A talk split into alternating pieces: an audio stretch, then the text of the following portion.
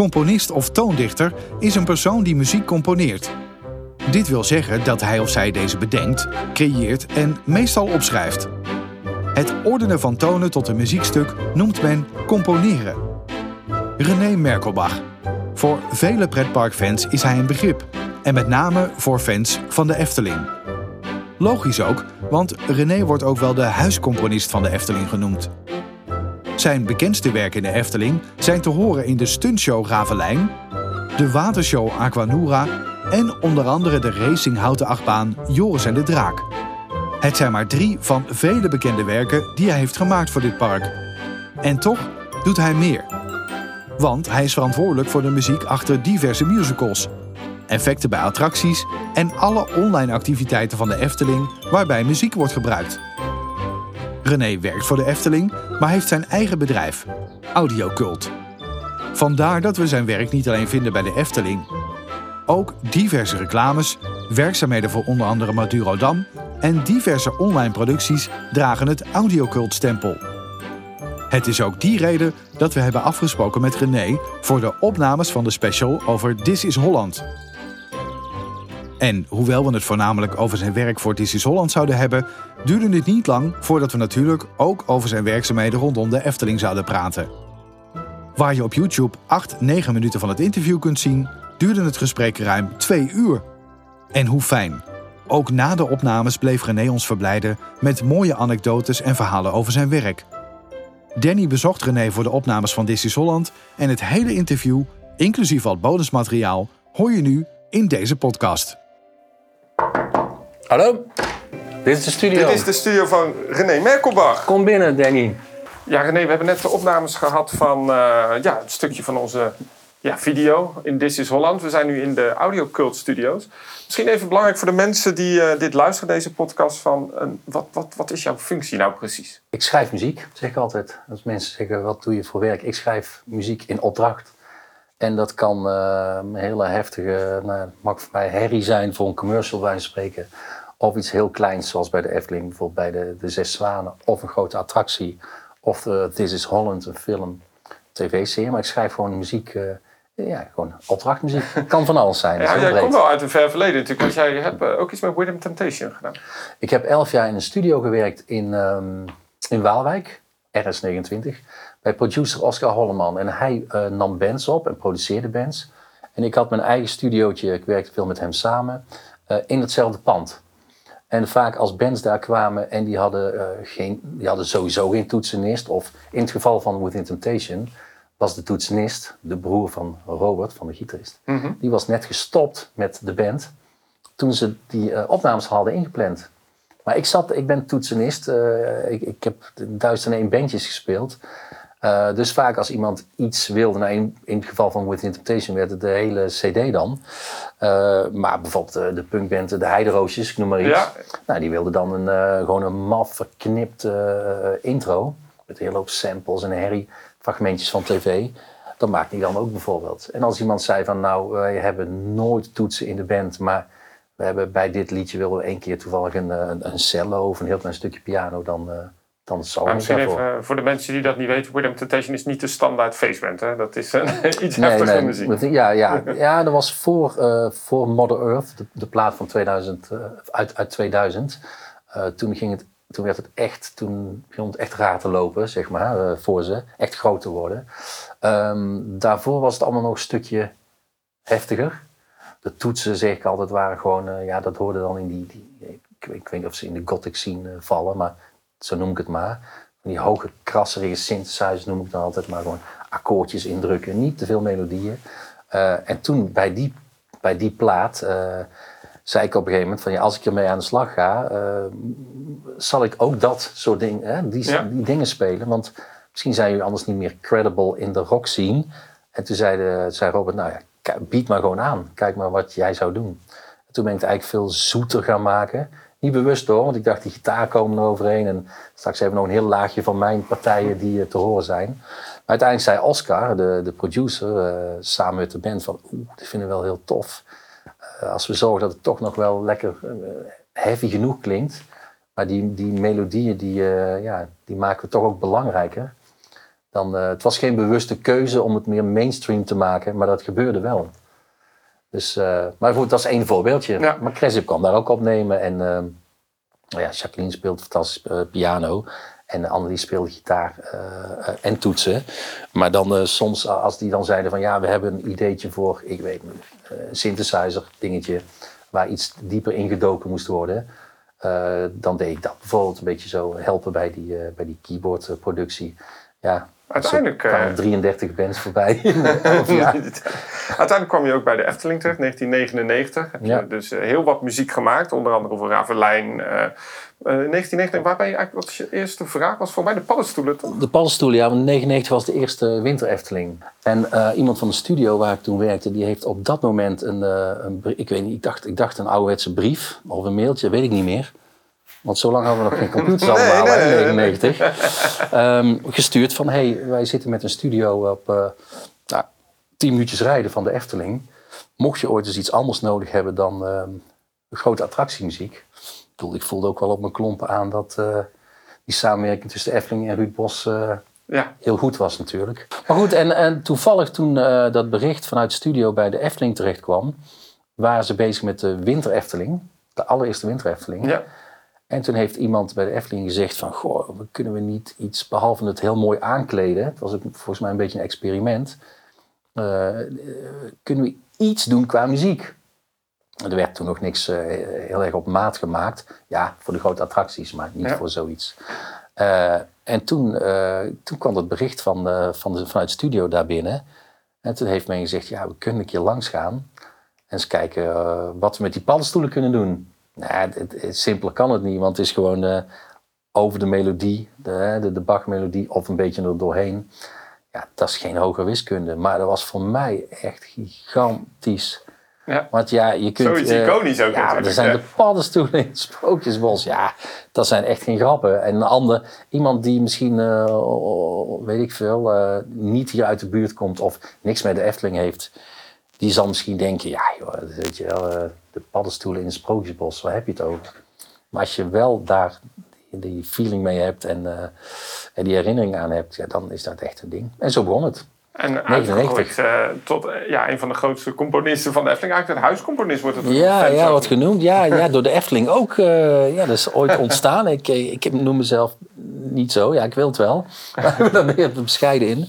Maar ja, dat is, dat is, ook, een, dat is ook geleidelijk aangegaan. Hoor, want in het begin heb ik vooral muziek geschreven voor het eh, entertainment, entertainment in het park. Eh, ook voor evenementen eh, die de Efteling verkocht aan bedrijven of aanbood aan bedrijven. En uiteindelijk kwam in, toen kwam de Pardoespromenade. Ja.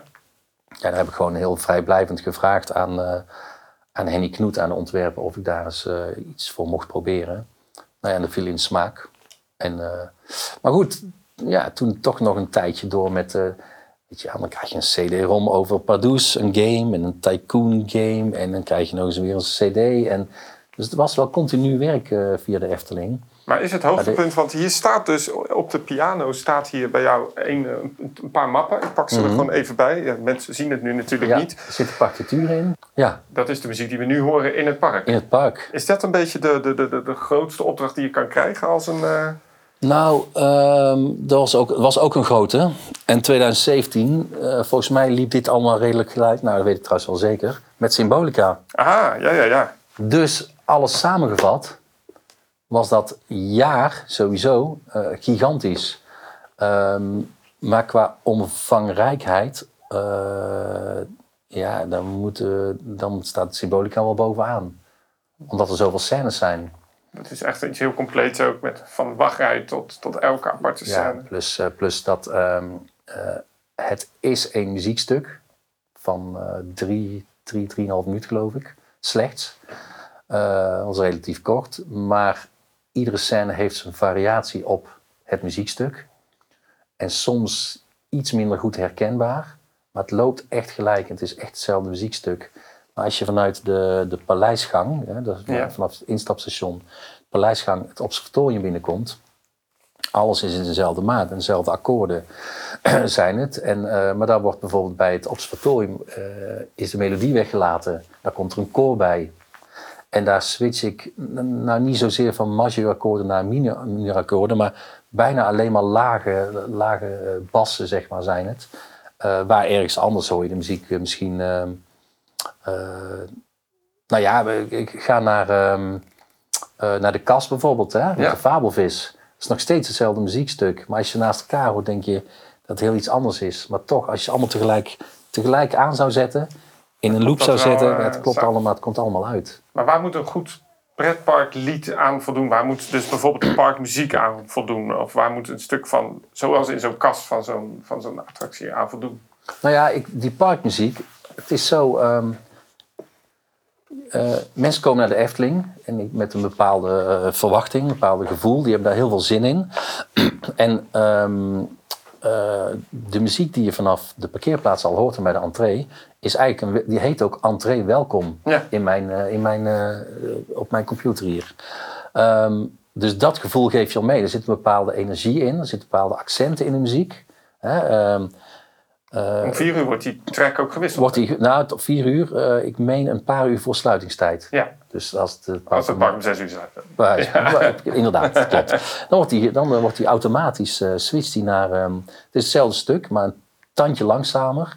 En alle accenten, alle, ja, weet ik veel, grote bekkenslagen en harpen, runs en fluiten en zo... zijn eruit ge- gehaald. En ehm, die, die- hoe hebben we die ook alweer genoemd? Die hebben we niet welkom natuurlijk genoemd, maar... Nou, kan er even niet opkomen. Ehm, en daarbij is het, het gevoel, hoop je, eh, dat mensen het gevoel eh, meenemen van... We hebben van alles meegemaakt vandaag. We hebben een hele mooie dag gehad. Het is een soort vol, voldaan gevoel. Een soort misschien een beetje moe, maar een beetje zo... eh, kijk, in de ideale wereld zou er iedere avond een heel mooi avondzonnetje hangen. Een lekker warme gloed en iedereen... Nou, dat, is- dat, dat, dat, dat, kun je niet, eh, dat kun je niet regelen. Dat ligt niet in Dubai. Nee, nee, precies. Maar dat gevoel van, oh zo, dat hebben we... Maar je gaat, je gaat de mensen niet weer de auto op, eh, insturen met eh, heel erg drukke, opgefokte muziek van succes op de weg. Het is, Maar eh, wat de kracht is voor mij voor de Efteling muziek is dat het heel herkenbaar is. Het zit heel veel, eh, heb ik, kijk naar bijvoorbeeld de basis Carnaval Festival, maar ook Vliegende Hollander, Joris en de Draak. Ehm, maar het moet niet irritant worden. Dat lijkt mij een dunne lijn. Dat je iets herkenbaars wil doen Ja. en niet... Dat, hoe, hoe voorkom je dat iets irritant wordt? Ja, eigenlijk door, door ehm, eh, wat, wat we vaak doen is, nou, kijk, als je net ietsje te lang bij eh, Joris en Draak in de buurt van het station staat boven, buiten zit nog wel variatie. Ehm, maar in de buurt van het station, ja, dan hoor je toch, toch wel redelijk vaak die eh 2,5 minuut eh, voorbij komen. Ja. Ja, dat, dat, dat zou ik wel eens een keertje kunnen gaan vervelen. Dus Ja. het is fijn als dat doorloopt. maar wat we normaal wel doen, als mensen... Nou, bijvoorbeeld bij Baron 1898... Daar was het, eh, het originele stuk ook gewoon, eh, weet ik, zo- zo'n drie minuten of zo. Maar dan eh, verleng je dat een keer. zet je dat, weet ik veel, een aantal keren achter elkaar. En dan haal je in de tweede ronde, noem ik het maar even... Hè, stel dat je hem tien keer achter elkaar zet. Tweede haal je eh, weet ik veel, haal je, haal je de drumband weg of haal je één laagje van alle instrumenten weg. En ergens anders zet je weer even iets bij, zodat je, je houdt wel continu hetzelfde gevoel. Maar je hebt niet, want mensen hebben heel snel, pikken heel snel op, niet bewust hoor. Eh, maar als je lang in een rij staat, bij wijze van spreken, eh, een tijdje en je hoort steeds dezelfde muziek, dan weten mensen op een gegeven moment, oké, nou komt dit, nou komt dat. Als je dat allemaal een beetje varieert, een beetje uitsmeert over eh, langere stukken, bijvoorbeeld voor 10 minuten, dan is het minder, eh, is minder voorspelbaar. Eh, wanneer kwam eigenlijk eh This is Holland bij jou terecht? In welk proces was de film toen? Ja, volgens mij was de film al eh, een heel eentje. Hij was gedraaid, sowieso. En eh, volgens mij was er een, een soort van montage eh, waar, waarmee je een, idee kreeg waar het, waar het naartoe moest. Dat was ook nog niet helemaal af.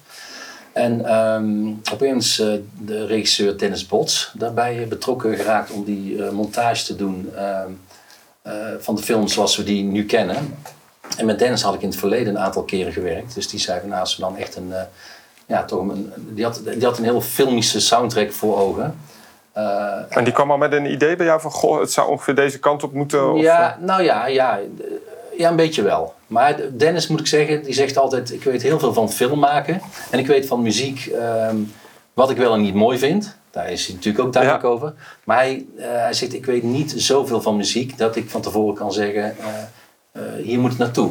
Maar wel dat het heel rijk moest zijn, en symfonisch en filmisch en het gevoel van vliegen natuurlijk. Maar goed, je gaat in de film al door allerlei, uh, ook op allerlei verschillende plaatsen. Dus je hebt allemaal een eigen sfeer nodig. En die wist dus je al van tevoren, ja, dus je kreeg de film te zien en je kreeg dus al wat, wat dingetjes. En gaat dan bij jou die radartjes dan al werken? Van? Nou ja, er was een, een, een soort korte montage van een paar minuten. En uh, Dennis stuurde die gewoon ter inspiratie. Van kijk eens uh, uh, of je hier al ideeën bij krijgt. Maar goed, toen kwam daarna een fase waarbij ik, een moment waarbij ik in Utrecht werd uitgenodigd in een bioscoop.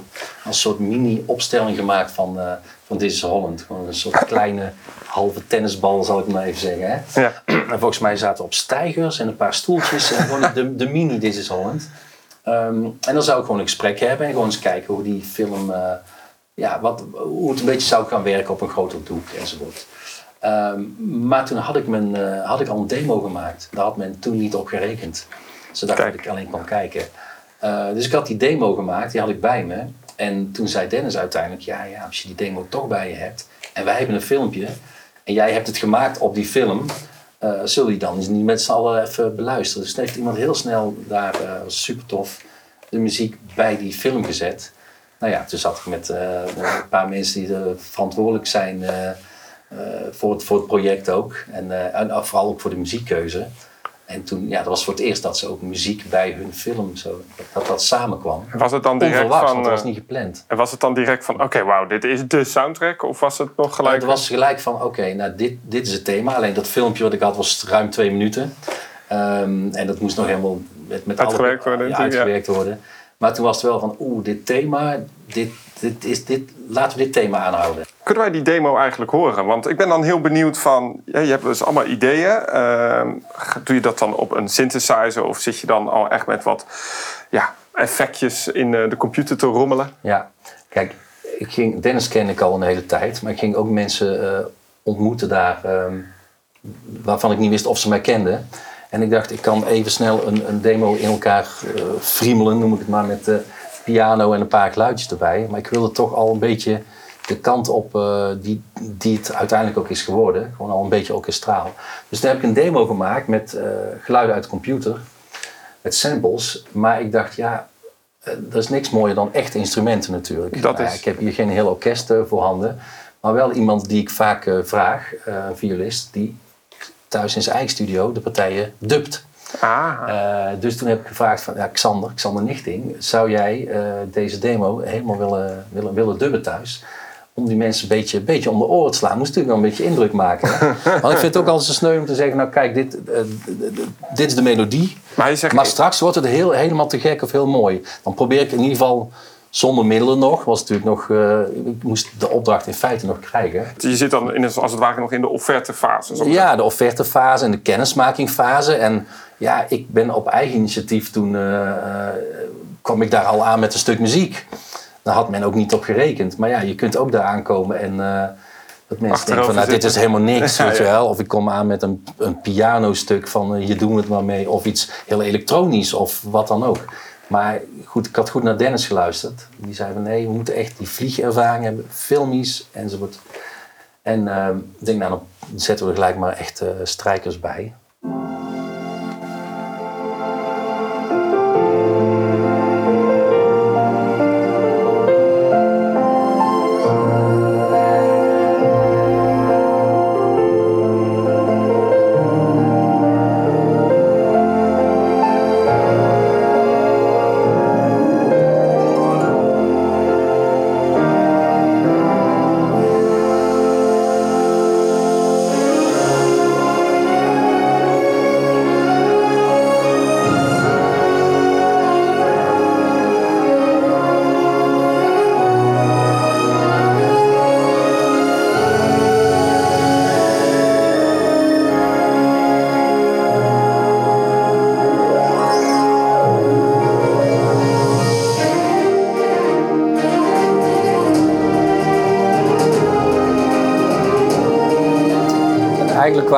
Deze twee minuten uh, een aantal scènes voorbij, een aantal plaatsen uit. Uh, maar waar zit jouw inspiratie dan uh, voor deze muziek? Hoe kom je op, dit, op deze melodie? Hoe ja, kom je... kan ik nooit zeggen. Die, die komt, ja, die komt gewoon voor welke opdracht dan ook. Maar En, laat je ehm, dan ook inspireren door bijvoorbeeld Sorin in Epcot? Nee, zo weinig. Ik, ik kan, nee, ik kan daar zelfs geen noot. Bij mij blijft muziek altijd goed plakken, ook Mhm. als ik het gehoord heb. Ik kan daar nu geen noot van zingen.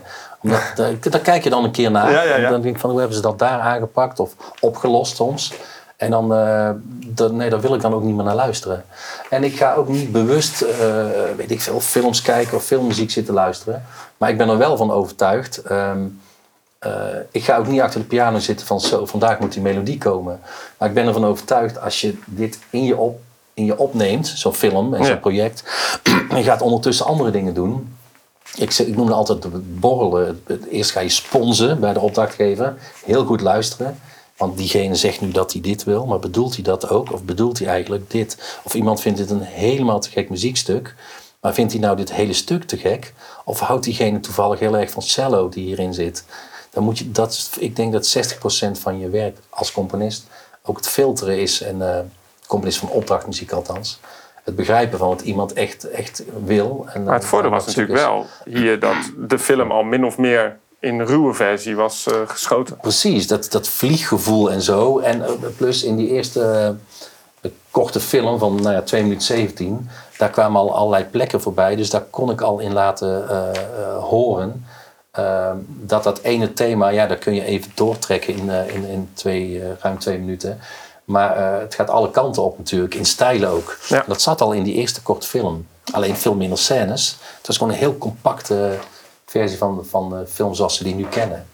Dus, eh, dus ik kon in die ruim twee minuten al laten horen van kijk, dat stukje eh, boven zee in die storm en zo.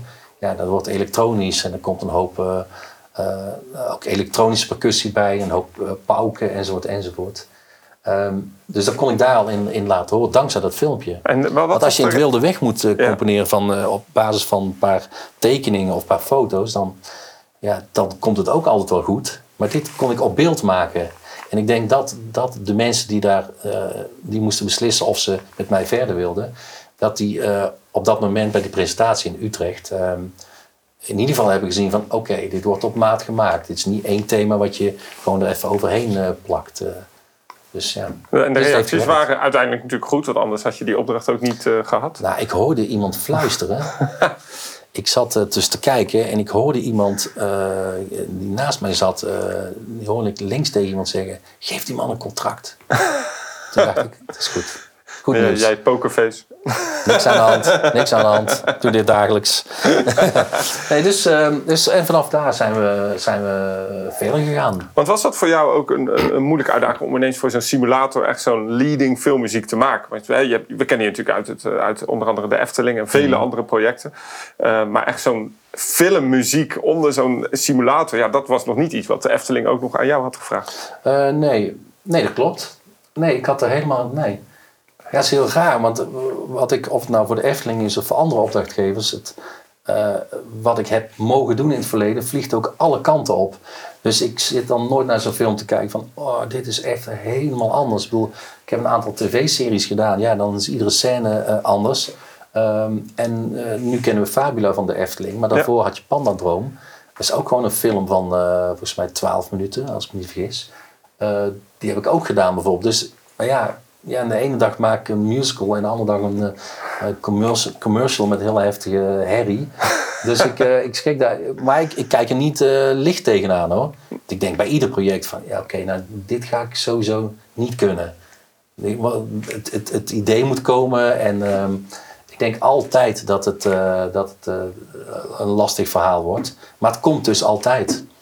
En wat ik net zei, volgens mij als je zo'n project in je opneemt en je bent ondertussen heb je andere dingen lopen, ben je andere dingen aan het doen, dan op de achtergrond uh, is dat aan het, aan het borrelen. En ik ga geen films kijken van uh, als ik nou dit en dit en dit kijk, dan, dan heb ik het idee. Maar ik ben er, zo werkt het bij mij althans, als je op een gegeven moment zit te zappen en je komt ergens bij, of nou film is of serie terecht, en je hoort bijvoorbeeld een bepaald instrument, kun je wel denken van, oh hé, hey, maar dit is een mooie Partij, eh, een mooie partij of een mooie hoofdinstrument of een mooie insteek. Of oh, wat mooi eh, eh, eenzaam dit. Of oeh, dit is vet. Alles in het laag en een hoop percussie. En, dus je- ik ga er niet naar op zoek. Maar als je er tegenaan loopt, dan, ja, dan kun je wel eens denken van... Oh ja, wacht even. Dit Dat is interessant. Op een gegeven moment heb je dan formeel ook het contract gekregen. Hoe gaat dan zo'n proces verder naar de uiteindelijke opening? Wat voor stappen maak jij tussen de demo en de uiteindelijke versie die we nu horen in This Ja. is Holland? Ehm, Daar zit veel tussen, denk ik. Nou ja, uiteindelijk ga je dus, het zijn heel veel scènes natuurlijk, ga je per scène ehm, de muziek schrijven, eh, arrangeren. En ik had eigenlijk nog steeds in mijn achterhoofd dat dat ehm, een combinatie zou worden van, van, van orkestgeluiden uit de computer. Omdat daar kom je een heel end mee tegenwoordig. Maar er gaat natuurlijk niks boven het, boven het echte werk. Daar ben ik mee eens. Eh, ja, ja, natuurlijk. En, ehm, maar op een gegeven moment eh, eh, ja, werd er toch voor, gelukkig voor gekozen met een heel orkest op te nemen. Dus dan weet je al van, oké, je, als iemand met samples iets eh, inspeelt, ja, als jij een paar mooie akkoorden indrukt en je hebt gelijk, je hoort gelijk, nou je hebt tien vingers, je hoort gelijk, weet ik veel, tien, tien, tien lijnen, tien melodieën. En die samples zijn al opgenomen met twintig spelers die één, één noot inspelen enzovoort. Het, is nog, het klinkt al gauw rijk en vol. Ehm, als je daar een aantal echte instrumenten bij zet, dan, dan kom je soms een heel eentje in de buurt van, van, van het echte werk, het orkestwerk. Maar er gaat niks boven natuurlijk met echte mensen opnemen. En dan ga je dus anders schrijven. En waarom niet? Wat is nou het verschil tussen de digitale wereld en dan toch dat Nou, orkest? Ik leg het altijd zo uit. Het is, heel veel mensen vinden het moeilijk als ik het uitleg aan de hand van, eh, van violen bijvoorbeeld. Ehm, ik leg het altijd uit als aan de hand van mijn stem. Als ik een koortje wil, een, een koor wil maken in de computer en ik zing 50 keer dezelfde, hetzelfde, eh, eh, hetzelfde stuk, Ja. dan, klink ik, dan klinkt dat als 50 keer ik. Dan klinkt dat niet als een heel koor. Als je 50 verschillende mensen neerzet, die allemaal, ik noem dat het, het, het, het, ja, het imperfecte van mensen. We zingen nagenoeg zuiver, spelen nagenoeg eh zuiver op een viool of welk instrument dan ook. Ehm, maar dat allemaal dat net niet perfecte maakt dat je samen het grootste wijdse hebt. Het, eh het, het chorus effect eigenlijk. Eh, nou ja, dat is. Plus, ik, ik ben ervan overtuigd, ik weet niet hoe het werkt natuurkundig, maar als je 40 of 60 mensen in een grote hal zet, ja, ik zeg altijd, we nemen ook lucht op. Nemen de beweging van lucht op. Nou, wat een En orkest die luistert ook naar elkaar. Je kunt natuurlijk op Ja, elkaar reageren. En een zeker. computer kan dat denk ik nog niet. eh. Nou ja, je, je, kunt, je kunt je helemaal schil programmeren, maar het zal het gewoon niet worden. En op het moment dat een dirigent zegt van, hé, hey, dit is hartstikke mooi geschreven of gearrangeerd, maar zullen we toch niet een beetje een tikje zo of een beetje zo? En die stuurt het orkest natuurlijk continu bij. Ja, dan gaat er iets, eh, dan, dan gebeurt er iets. Wat je, kijk, ik kan hier iets indrukken en dit is prachtig opgenomen. De BBC, eh, eh, of de, hoe heet het, ehm, niet de BBC, London Symphonic Orchestra, is allemaal gesampled. Ik kan nu honderd keer dezelfde toets indrukken waar twintig mensen iets spelen. Maar dan is het wel twintig keer diezelfde Stukje, ja, hetzelfde stukje. muziek. Het is dus altijd perfect. Ehm, en als je met mensen samenspeelt, dan, eh Ontstaat er ook dan wat ontstaat daar wat. Ja. Want eh, je zegt van we hebben het uiteindelijk in laten spelen door een orkest. Is dat moeilijk als componist dat je zegt van oké, hier is de partituren, hè, dus de, de, de noten als het ware. En die geven we aan de dirigent. Die mag het dan. Het is nou, ja, jij kan er niks meer aan doen dan. Nee, nou jawel, want die vraag die staat natuurlijk. Ja, ik bedoel, ik zit dan eh, met een aantal mensen in de, de noem het de regieruimte, hè, waar ook de mengtafel staat. Ja, zo. hij staat Ongeveer is dit. nu ja, iets groter wel hoor. In, eh, in Galaxy doen we dat dan eh, vaak, in eh, Galaxy Studios in België. Daar wordt een orkest speciaal samengesteld per project. Ehm, en dan staat ja, de dirigent, die vraagt natuurlijk bij iedere take van... ik lees het zus en zo, maar moet dit nog wat harder, heftiger... of zullen we dit niet iets meer, weet ik veel... iets frivoler spelen of heroïs of gewoon dat soort dingen. Dus dat is continu eh, Schakelen. Ja, schakelen. En per take eh, wordt natuurlijk... eh, kijkt naar elkaar aan van... Was dit? is, dit, is hem Ja. dit? En ik, ben, ik denk dat ik heel precies en heel kritisch ben. Maar toonmeister Patrick Lemmens van de Galaxy Studios... Ja, die heeft ook die heeft zulke gouden oren. Als ik denk, dit is goed, we kunnen verder... en ik zie hem zo doen, dan doen we hem nog een keer. Maar wat ik hoor is dus eigenlijk dat je ook in zo'n studio meerdere versies opneemt. Per, misschien per scène of per stuk. Eh, meerdere takes in ieder geval. Ja. ja. Meerdere takes, ja. Ook afhankelijk van de tijd natuurlijk. Uh, je Die, kunt niet oneindig uh, doorgaan. Op een gegeven moment is de tijd. Je moet ook steeds naar de klok kijken of, het, uh, of je het allemaal nog gaat halen. Uh, dat is altijd. Om dan terug te komen, je hebt dus de, je hebt de sample, heb je, is goedgekeurd, daar ga je mee verder. Um, hoeveel tijd zat er dan eigenlijk nog tussen? Uh, het uiteindelijk het opleveren van het product en die eerste ja, sample? Ik weet, niet, ik weet het niet meer precies, maar ik weet wel dat um, er was niet heel veel tijd. Het was goed te doen, um, maar het was wel, ik, ik had ook diverse projecten uh, lopen. En um, ik ben er redelijk laat bij, bijgehaald, bijgevraagd. Maar dat is, dat is geen uitzondering. Hè. Dat is vaak met muziek. Omdat men dan echt een beter beeld krijgt van de totaalfilm. En je hebt natuurlijk, dit is al eens een hele beleving hè, met Ja. pre-shows. Dus dan krijgt, krijgt men een, een meer een totaalbeeld. Dan is het van, oh ja, dan moeten we nu echt werk gaan maken van, uh, van de muziek. Plus toen er besloten werd, uh, gaandeweg het proces, wel redelijk in het begin hoor, dat met orkest uh, kon worden opgenomen. Ja, het is anders of ik hier in mijn eentje zit te knutselen dag en nacht. Of je moet uh, voor een heel orkest uh, dingen uitwerken. Ik heb er ook hulp bij, uh, bij gevraagd toen uiteindelijk. Ook van een arrangeur en orchestrator in, in Berlijn. Mhm. Verschillende keer meegewerkt. En um, voor heel veel projecten, als ik het alleen kan, doe ik het alleen. En soms lopen dingen een beetje door elkaar. En dan denk ik, dan, dan schrijf ik het. En dan zie je dus de computerversie uiteindelijk.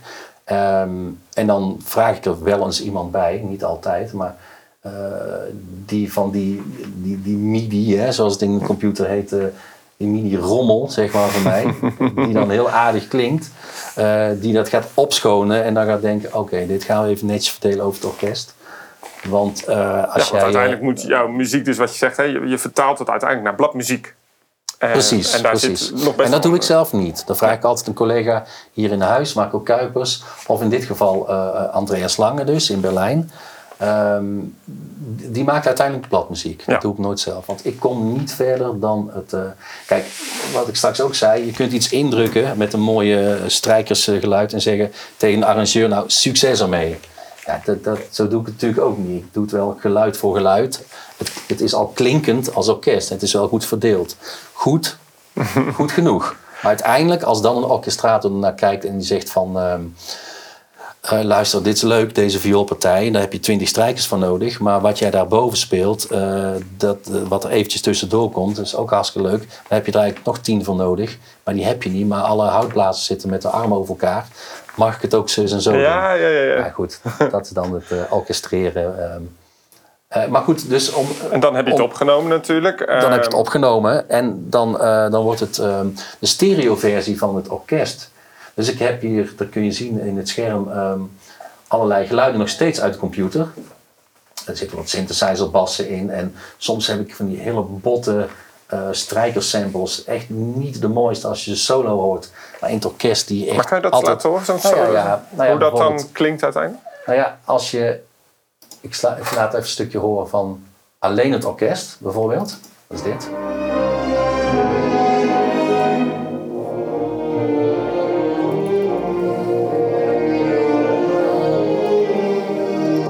Orkest uitzet, ik weet niet wat hieronder zit allemaal hoor, even luisteren. Hier hoor je heel zachtjes een... Uh, hoor je die, beetje die spacey geluiden? Um, die harp is nep. Allemaal dit soort spacey geluiden. En die werken als een trein in de attractie als je uh, het orkest voor je, of zo half ja. rondom je hoort. Maar achter zitten ook speakers. Dus als je al die, ik noem het even spacey geluiden of die synthesizer geluiden, uh, achter je laat horen, dingetjes, belletjes en uh, verspreid over al die speakers. Dit bijvoorbeeld. Hoor je bijna niet in de attractie, maar het zit er wel in.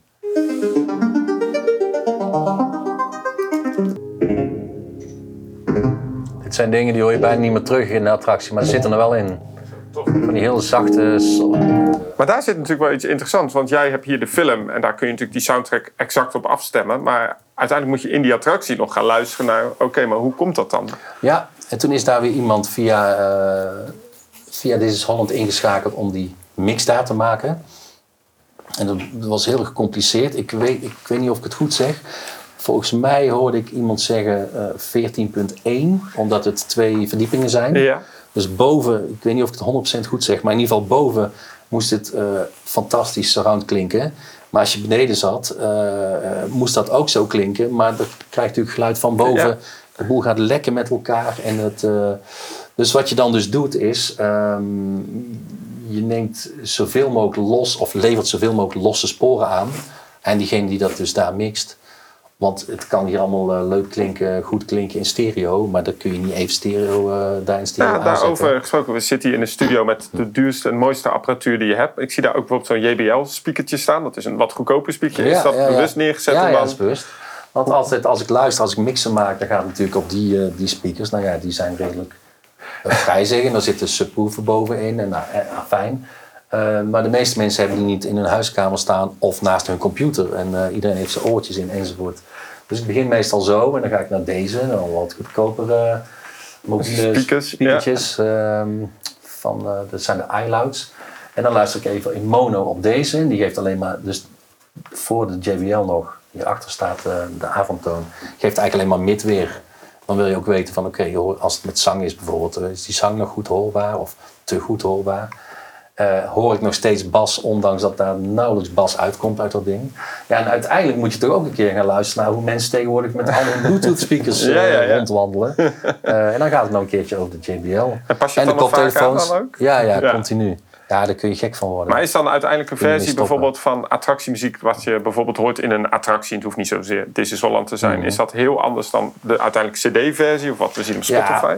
nou ja, de, de inhoud is hetzelfde, maar. Um, ja, als je naar Symbolica kijkt, daar hangen in, in bepaalde ruimtes zoveel speakers op. Soms bijzondere plekken, bijzonder dan bedoel ik omdat ze uh, gecamoufleerd zijn of weggestopt zijn. Het is niet de bedoeling dat je overal speakers ziet liggen. Um, in de scène uh, de, bij Symbolica, de, de balkonscène noem ik het even, de vlinderscène. Ja, als je daar binnenkomt, dan zit een speakertje in en uh, komt geluid uit het, het bureau rechts. Mm -hmm. Maar die, die vlindertjes maken geluid, maar het is heel zacht, heel subtiel. Maar leef je al die geluiden dan los aan? Ja, ja. alles los. En alles wordt uh, ook bij This is Holland, dus één grote Pro Tools sessie, grote mengtafel op een hoogwerker. Die op de hoogte van de banken waar je uiteindelijk... Uh, want je kunt, uh, je kunt daar gaan zitten op die banken. Um, maar diegene die dat mixte, die wilde gewoon in de ruimte zo voor de bank. Plus, het is ook nog zo Volgens mij, als je de film wil starten, dan gaat meestal de. Um, nee, in eerste instantie heeft hij een constructie gebouwd op een van de banken, zo was het. Mm -hmm. Hij ging steeds mee erin en eruit. Ja. En later is nog een keer gemixt, gewoon midden in de zaal, op een hoogwerker, zodat die show niet steeds gestart hoeft te worden. Dan kon diegene zelf naar boven en beneden als hij wilde. Maar dan gaat zoveel mogelijk los uh, mee naar, uh, naar zo'n attractie. En kom jij dan ook nog een paar keer kijken? Van, goh, ja, uh, ja. Dus je hebt die attractie ook best wel een aantal keer moeten doen. Uh, je hebt een aantal keer mogen doen, ja. Zo, maar ja, op een gegeven moment, als je hem te vaak doet, dan uh, ben je daar toch al gevoelig voor. Dan kun je ook een beetje beroerd worden. Want op een gegeven moment, als je, zelfs als je hem niet doet, maar je blijft gewoon staan ergens. Of of de, de, de, de show draait niet mee, hè? De, de, de banken gaan niet mee. En je kijkt alleen naar de film, ja, dan op een gegeven moment ga je toch een beetje mee, een beetje mee vliegen. Um, maar dus neem zoveel mogelijk mee. Alleen in het geval van het orkest. Um, uh, ja, heel veel mensen nemen natuurlijk tegelijk op. Dus die, neem, die tussenmix, dat, zoals dit bijvoorbeeld, is een stukje alleen orkest. Die neem ik wel. Even kijken, dit heeft dit stukje.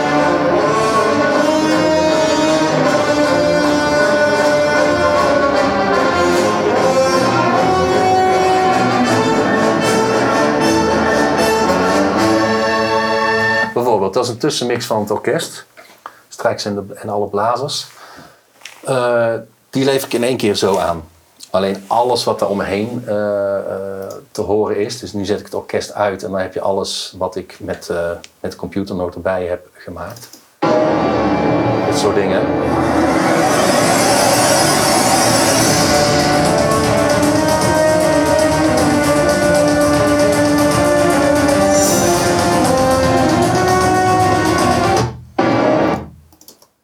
Klinkt echt wel heel anders inderdaad. Hè? Ja, en dit zijn dan toch nog best wel een aantal sporen hier zo, waar de, de, de live mixer of de mix op locatie heel erg mee kan spelen. Waar die wat vandaan uit kan. Misschien, laat je, misschien hoor je nou wel een geluid gewoon in stereo. En is dat in de film in een beweging, kan het nou niet ik heb geen goed voorbeeld ervan, maar eh, is dat in panning of gaat dat in surround om je heen? Dat soort... Is dat, eh, hebben het nu echt over specifieke attracties. Dat is natuurlijk wel hele bijzondere muziek. Want er moet heel veel gebeuren in een hele korte tijd. Eh, niet alleen in de Efteling, maar als je kijkt naar bijvoorbeeld Universal Studios. Ook daar is de, de snelheid soms zo hoog van die dingen. Is dat heel moeilijk als een, eh, als een componist eigenlijk om daarop in te spelen? Ehm, ja, ik ben het wel een beetje gewend eh, inmiddels. Er, komt altijd wel een pan- paniekmomentje natuurlijk.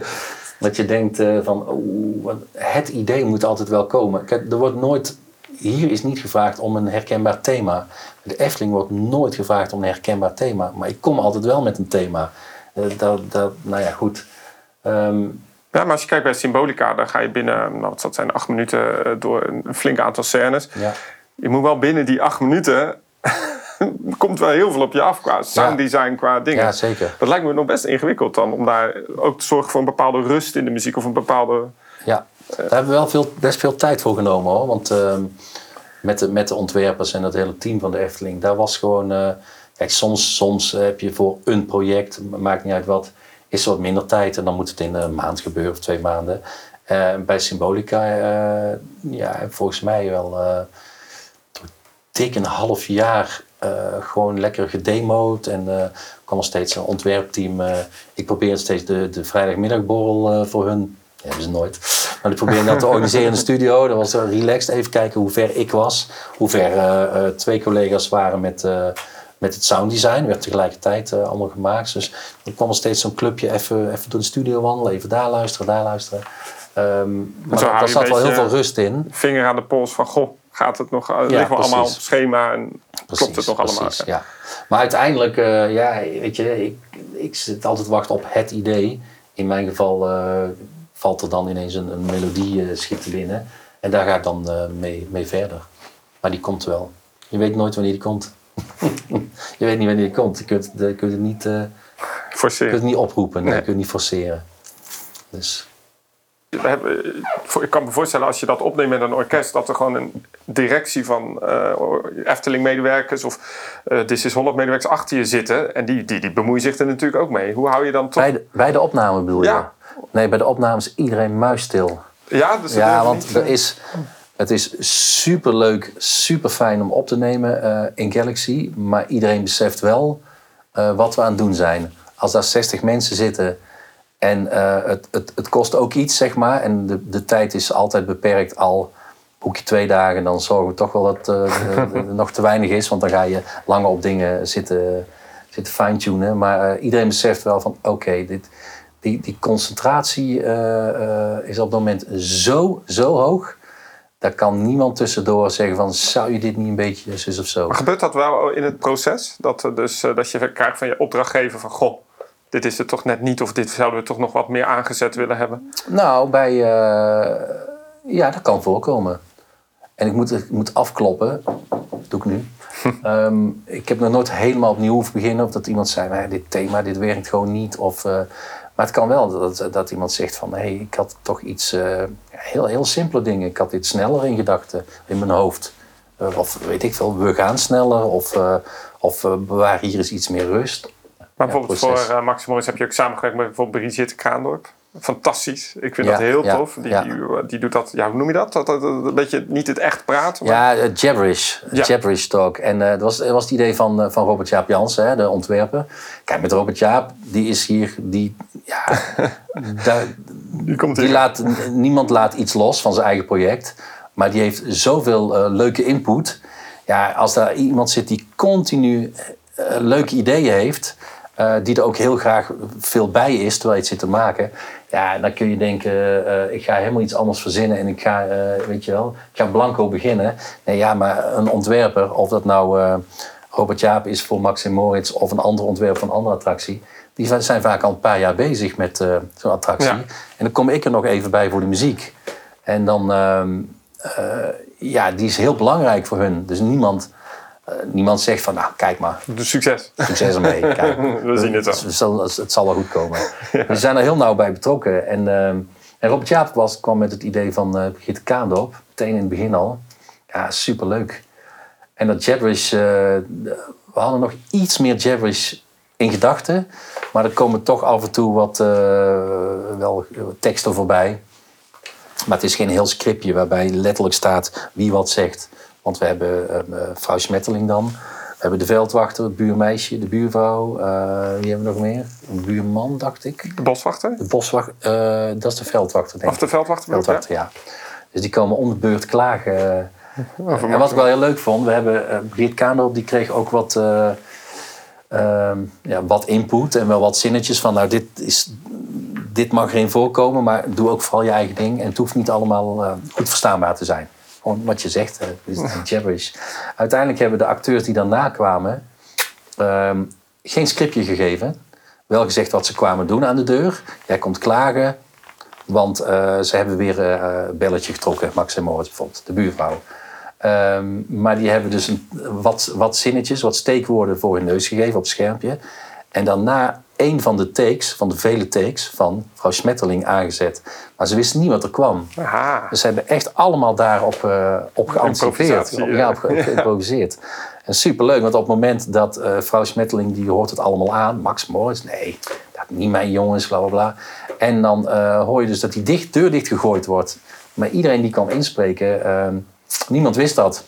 Dus ze hoorden ineens vrouw Smetteling uh, van nee, dat kan toch niet. Toen hoorden ze die deur dichtgooien en de stem van vrouw Smetteling achter een deur.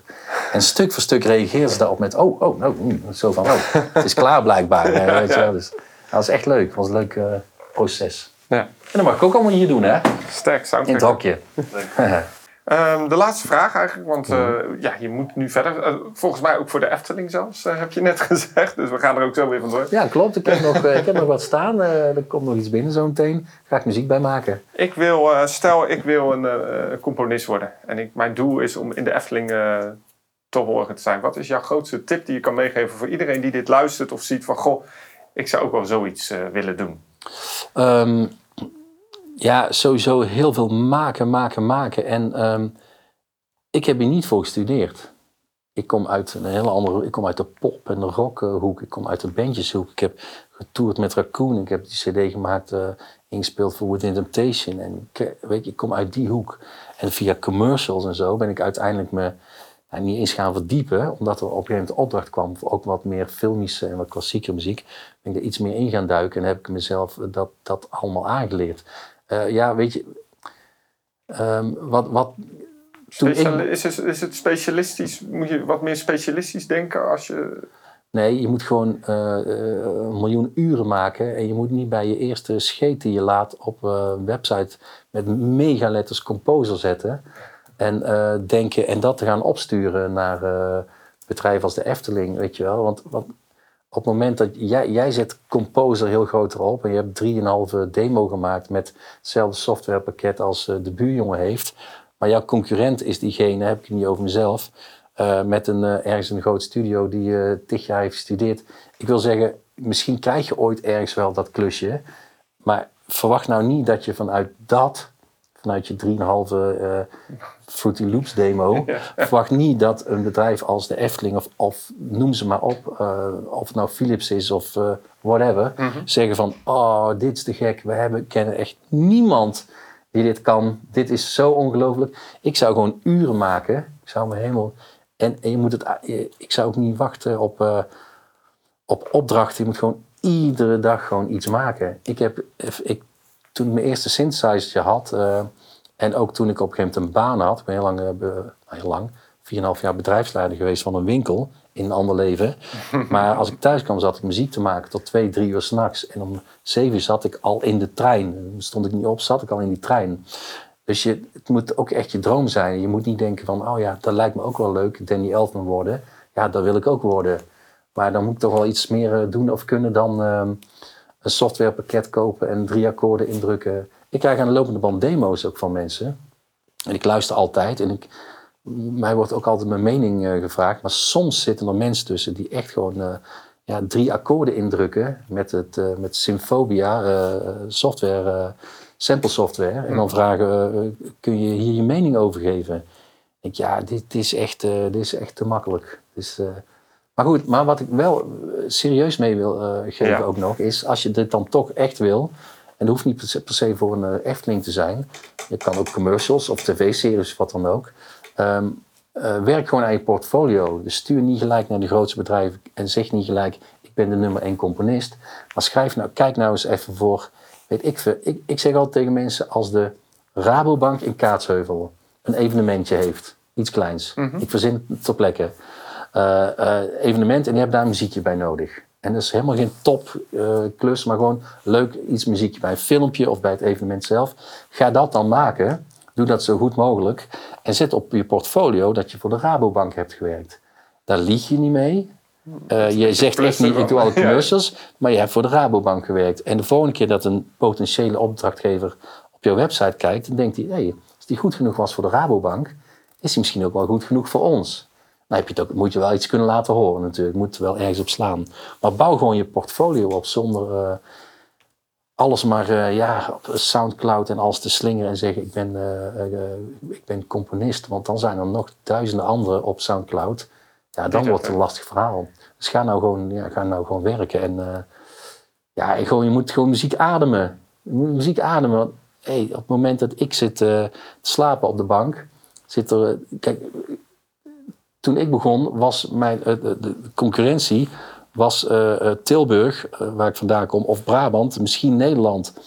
Maar er was wel even voor, nou klinkt heel oud, maar er was wel voor internet. Ja, ja, ja. Maar nu is de concurrentie, op het moment dat jij zit te snurken, zit een gast in LA in een A-studio zich helemaal kapot te werken. En dat is jouw uh, concurrent. Ja, dat is ook in die pretparkbranche natuurlijk zo. Er zijn bijvoorbeeld Immascore is een, een grote leverancier van mm. muziek. Zo zijn er natuurlijk nog meer bedrijfjes. Dus je moet daar wel, ook voor jou lijkt me dat de uitdaging, om toch continu die kwaliteit te leveren. Dat zo'n Efteling of This is Holland of een ander project zegt van, goh, het was fijn samenwerken met uh, meneer ja. Merkelbach. We gaan het uh, nog een keer doen. Ja. ja. Nou ja, ik, um, ik heb het met een collega, met Marco hier ook regelmatig over. Van, goh, ja, weet je wel, zo. Die zegt ook wel eens van, goh, dit, stel dat dit een keertje ophoudt. En dan zeg ik steeds tegen hem, dit houdt een keer op. Ja. Want of ik val om, krijg een hartaanval. of er, er komen nieuwe mensen. Kijk, de Efteling is zeer trouw aan de mensen met wie ze werken.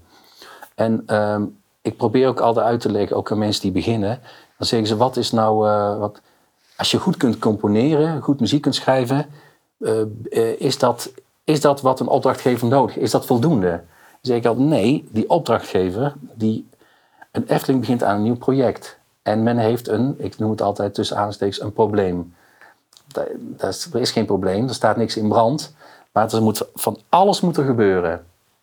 Onder andere moet er muziek komen. Op het moment dat er een partij is, zoals in dit geval uh, mag ik dat doen, die zegt van, nou, hey, uh, dat komt goed, want zeg maar wat jullie een beetje voor ideeën hebben. Dan ga ik demo's maken, dan mogen jullie natuurlijk komen luisteren, dan gaan we er samen aan sleutelen, gaan we het uitwerken, gaan we samen naar het orkest. Daarna ga ik, uh, of het nou een week is of twee weken, alle nachten in Symbolica, de veiligheidsschoenen en de helm, gaan we daar de muziek mixen. Dan, heb, dan is dat probleem dat, dat, dat, dat die, die taak, die, die heb je uit handen genomen. Dus het gaat, niet, het gaat er niet altijd om wie het, moet wel heel goed zijn, het moet heel goed passen. Maar misschien kan iemand anders ook net zo goed muziek uh, voor de Efteling schrijven als ik. Maar kan die nog niet eens fatsoenlijk uh, iemand een hand geven of aankijken. Of een planning maken. Of met een groot budget omgaan. Maar daarover gaf jij in de video, daar moeten de mensen maar voor de video voor gaan kijken. Hmm. Gaf je ook een, een tip hoe je bij This is Holland eigenlijk de opdracht hebt gekregen. En die gaan we nu niet in deze podcast zeggen. Dan moeten mensen lekker de video even kijken. Maar dat is een beetje wat Disney ook doet. Hè? De, go above and beyond. Ja. Gewoon net even iets verder gaan. Dus Nou, ik, zal, ik kan je nog een voorbeeld geven. Um, ik zal ook niet de opdracht noemen. Maar er was een opdracht vorig jaar. Um, waarbij het tussen mij en uh, vier andere mensen gingen. En het was dus een uh, ging. En het was een pitch. En ik, ik zeg altijd, ik doe geen pitches. Want, ik, want ja, ik, ik, echt, ik wil echt geen grote mond hebben of zo. Maar als je nou nog niet weet of ik er wel uitkom met die opdracht en met het orkest en zo, dan, ja, dan weet ik het ook niet meer. Dan uh, kun je je portfolio net zo goed uh, gelijk in die kliko gooien. Maar goed, het werd een, uh, het werd een soort pitch. Ik vond het zo interessant, dus ik heb het toch gedaan. toen heb ik uit mijn eigen zak echte violen opgenomen. En toen zei diegene die dat moest beslissen: van ja, wat slaat dit op? Dat, dat moet je niet doen. Dit heeft helemaal geen nut. Want die anderen doen dat ook niet. Dat is niet ver tegenover die anderen. Ik moet zeggen, het is toch een pitch? Ja. Het is toch een pitch. Dus als ik de opdracht geef... Kijk, als het een slecht muziekstuk is, kun je ze ook niet om de oren slaan met die echte violen. dan, dat, dat helpt ook niet. En van de andere kant, als het een heel goed mu- muziekstuk is, kun je ze misschien wel overtuigen door het alleen op piano te spelen en te zeggen, maar straks met orkest wordt het nog veel mooier. Nou, dan heb ik liever dat ik een beetje in de buurt kom met echte violen. Dat kost me dan wel iets. Eh, en mensen gelijk, eh, nou ja, om de oren slaan. Gewoon, gewoon een goede eerste indruk maken met, eh, met dat stuk. Dus je moet, dat wil je toch? Je wilt toch eh, Ja. meer geven? En op het moment dat iemand ze- zegt, eh, welke opdrachtgever ook van, oh, we hebben een beetje een probleem, want we weten, eh, eh, de tijd is al lang om, of het budget is al lang op eh, qua muziek, maar met uh, voortschrijdend inzicht zouden we nu toch liever zus of zus zo willen. Ja, dan moet je wel, je, als je hart in die productie eh, ligt en, eh, en, en je, je wil het goed, tot, een, tot zo goed mogelijk einde brengen, dan ga je gewoon door. Je stopt nooit. Maar dan moet je wel willen. Maar er zijn genoeg studio's, ik ken genoeg verhalen van mensen die zeggen: ja, nee, ik kreeg eh, zoveel tijd ervoor. Die tijd is al lang op. Ja. En eh, ja, het is of bijbetalen of stoppen ermee. Maar dat doe ik nooit, want ik, ja, Het gaat om product uiteindelijk. het gaat om product en het gaat erom dat ik eh, ook apetrots ben als ik eh, ja, in een attractie, groot of klein, eh, rondwandel en denk. ja, Oh, nou, dat hebben we toch maar gedaan. Ja, maar dan wil je toch niet denken, je wilt toch niet door symbolica, je wilt toch niet in een fantasievader door symbolica gaan. En dan denken van, ja, dit hebben we toen een beetje afgeraffeld, want ja, daar, hadden daar was er geen tijd meer voor. Of nee, ja, dan, dan maak ik die tijd Ja, wel. ja, ja. Maar iemand die dat niet doet, die staat wel met 1-0 achter. Dus de tip, nou, dat is een heel lange omweg voor mensen die dit willen, is ja, zorg maar dat je altijd, eh, je hoeft geen, geen, misbruik van te laten maken, maar zorg dat je ja, altijd meer geeft, zeg maar, tot, tot iedereen happy is.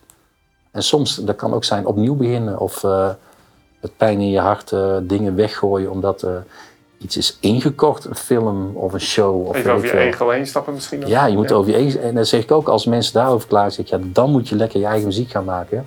Maar dit heet opdrachtmuziek. En als je daar niet tegen kunt, dan, eh, ja, dan, dan, dan past het niet bij jou. Ik eh, zie een probleem. We kunnen voor mij nog uren praten. Maar Ja. ik weet ook, ik zie achter jou de klok lopen. Je, je, Eens loopt kijken of al- mijn film al binnen is. Ja, René, dankjewel. ja, graag gedaan hè. Dit was de Team Park Science podcast. Ga naar teamparkscience.com voor de documentaires op YouTube.